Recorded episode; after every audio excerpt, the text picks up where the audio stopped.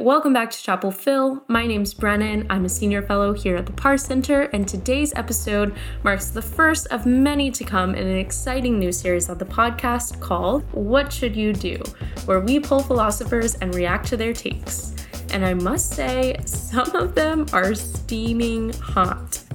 We got zombies, Les the faults of the criminal justice system, property rights, stealing, and bread. This episode really covers it all.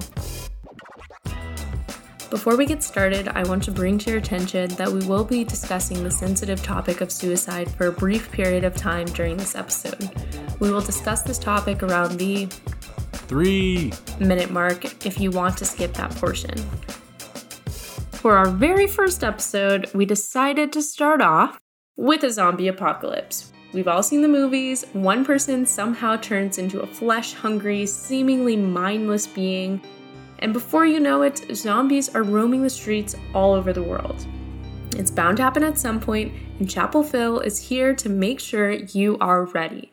We asked philosophers at UNC to tell us what we should do and what we absolutely should not do in this scenario. Here's our first response.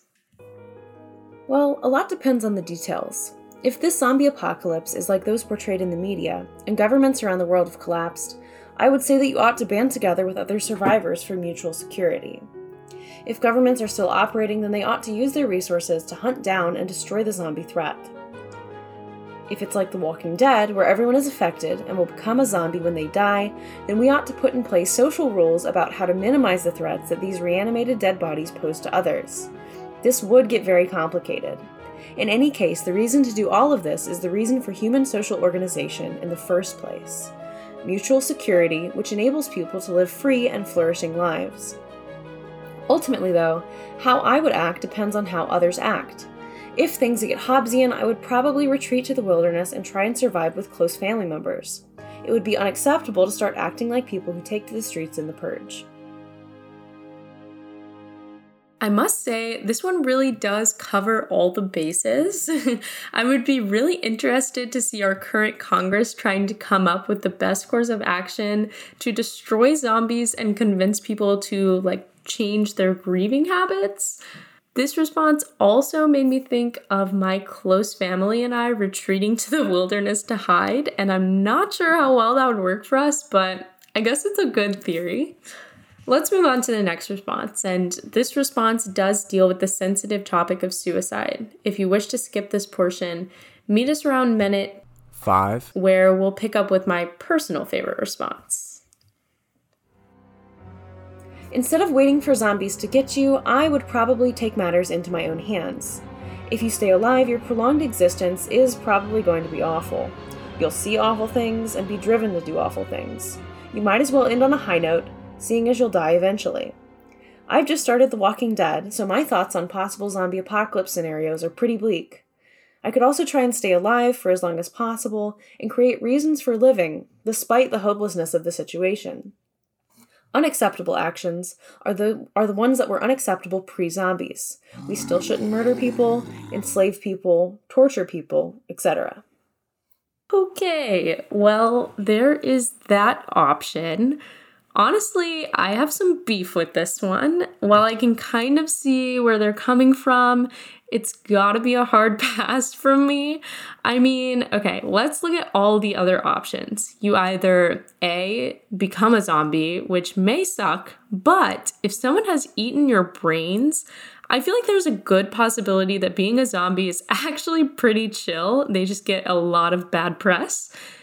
I mean, all you really have to do is eat more brains, which likely would not be too hard because I doubt people are really equipped to deal with the problem. Or B, my personal favorite outcome, you live through what would be called the zombie era or something that is just not apocalypse because the world didn't end, and you write the world's best selling history book ever. I mean, like, how cool would that be? Your grandchildren would be so proud of you. You could learn some science, make the cure, cure the final zombie, return humanity to the stronger, more epic state.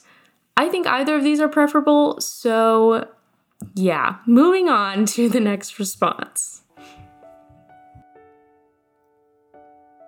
You should try and hunker down to stop the spread of the zombie disease. If you're able, you should also work to protect those who are most vulnerable to being zombified. Those with relevant expertise should inquire as to whether there is some feasible course of action that would lead to a treatment or vaccine and work to discover the origin of the disease in order to prevent future zombie outbreaks. The moral status of the zombies in this scenario isn't clear, so unreflectively and indiscriminately massacring the zombies you encounter is probably morally unacceptable. It could be the case that those with the virus are still beings that we ought to morally respect. Perhaps they are mentally all there, yet lack bodily control. Perhaps they can be cured. Perhaps they can either be cured and are not mentally all there, but yet still have a profound capacity to suffer. Each of these scenarios would preclude mass curing zombies in the way that zombie movies typically glorify. Now, this answer is much more my speed. They obviously took notes from our current pandemic, which I do appreciate. If nothing else good comes out of COVID 19, at least our zombie apocalypse plans got an upgrade. One thing I find especially interesting in this is the idea that zombies are not all bad, and we should not immediately jump to the conclusion that killing them is permissible. This is quite possibly true. They are people after all, and if there is a cure, then there's a valid argument that they are still people even when they are presenting as zombies although it may be a simple act of preservation and or self-defense to not consider that possibility in order to keep humanity as we know it going which i think is valid. Honestly no matter what we decide to do i'm pretty sure a zombie apocalypse would not be particularly fun for anyone involved However, it will also probably never happen, knock on wood. So, what makes our second scenario perhaps even scarier than the first is that it could really happen any day and a moral decision would have to be made. But not to worry, Chapel Phil also has your back on this one. We asked those same UNC philosophers what they would do if they were in a store and saw someone taking something without paying for it. Here's their first response. This also depends a bit on the details. If you know nothing about the thief, then you ought to either confront them, if you can do so safely, and tell them that you'll report them if they don't put the thing back, or you ought to just go ahead and report them directly. If the person is like Jean Valjean stealing a loaf of bread, then you probably ought to offer to buy the bread for him, or if you can't, simply look the other way. If you're affluent and decide to look away, maybe buy something from the store that you wouldn't have otherwise needed, so that the per- store doesn't feel the loss. Moral rules concerning property play a super important role in society, so doing one's part in enforcing them is important. But their justification depends on the benefits that they can generate for each member of society. So, if they clearly don't benefit a person, such as that they have no choice but to steal bread to feed their family, then we ought to look the other way. Although in reality, this does seem to be like a situation in which I could see myself falling victim to acrasia and not reporting someone who should be reported. That would be unacceptable. Okay, I just want to say, I cannot think of one single situation where I would feel I could safely confront someone about a crime they just committed. I mean, good for you if you can, but I'll stay out of that one. Overall, though, I think this is an okay take. However, focusing specifically on the Jean Valjean example, I am not convinced that property rights are being upheld by me covering the store's losses. They mention that it would be morally preferable to pay for the stolen item either directly or indirectly, but if that's the case, property is still being transferred somewhat unwillingly because if I had never seen the person stealing, I would not have spent that extra money at the store. This is especially questionable if the store has more money than I do. Even if I am affluent, they should cover that cost by simply taking their losses.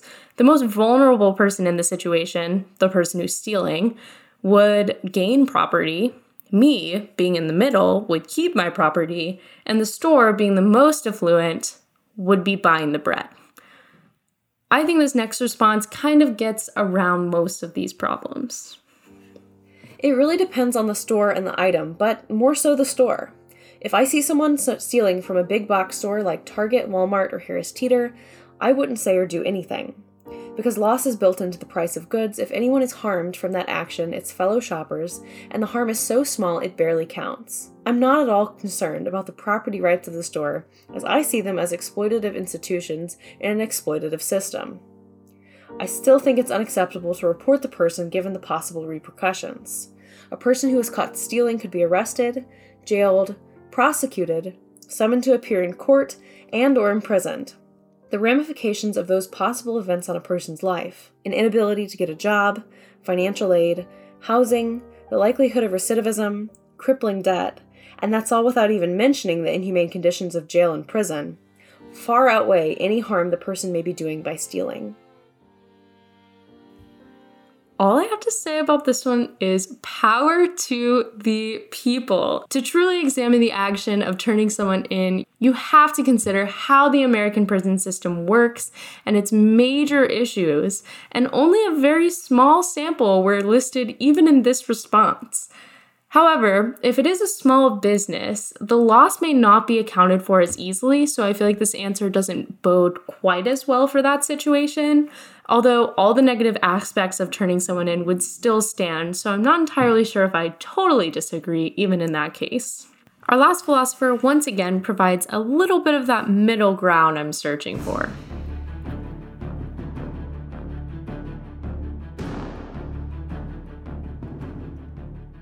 I would do nothing. While stealing is wrong, I don't know this person, and I'm not in a position to have a meaningful moral impact on them. They may deserve punishment for their action, but not for me. The state and the institution they stole from can make this claim on them. It is therefore up to the state and the institution to hold this person accountable. I feel like this response really is the best of both worlds. I still think, in order for this to be an absolutely preferable action, though, the justice system would need to be tweaked and opportunity would have to be a bit more equitable than it currently is. I mean, currently, if a person stealing has a low socioeconomic status, they will be more likely to be convicted of any crime than a person of higher socioeconomic status. Therefore, the person who needs the item they stole the most would likely pay the most for it if they were caught. In my opinion, that is immoral.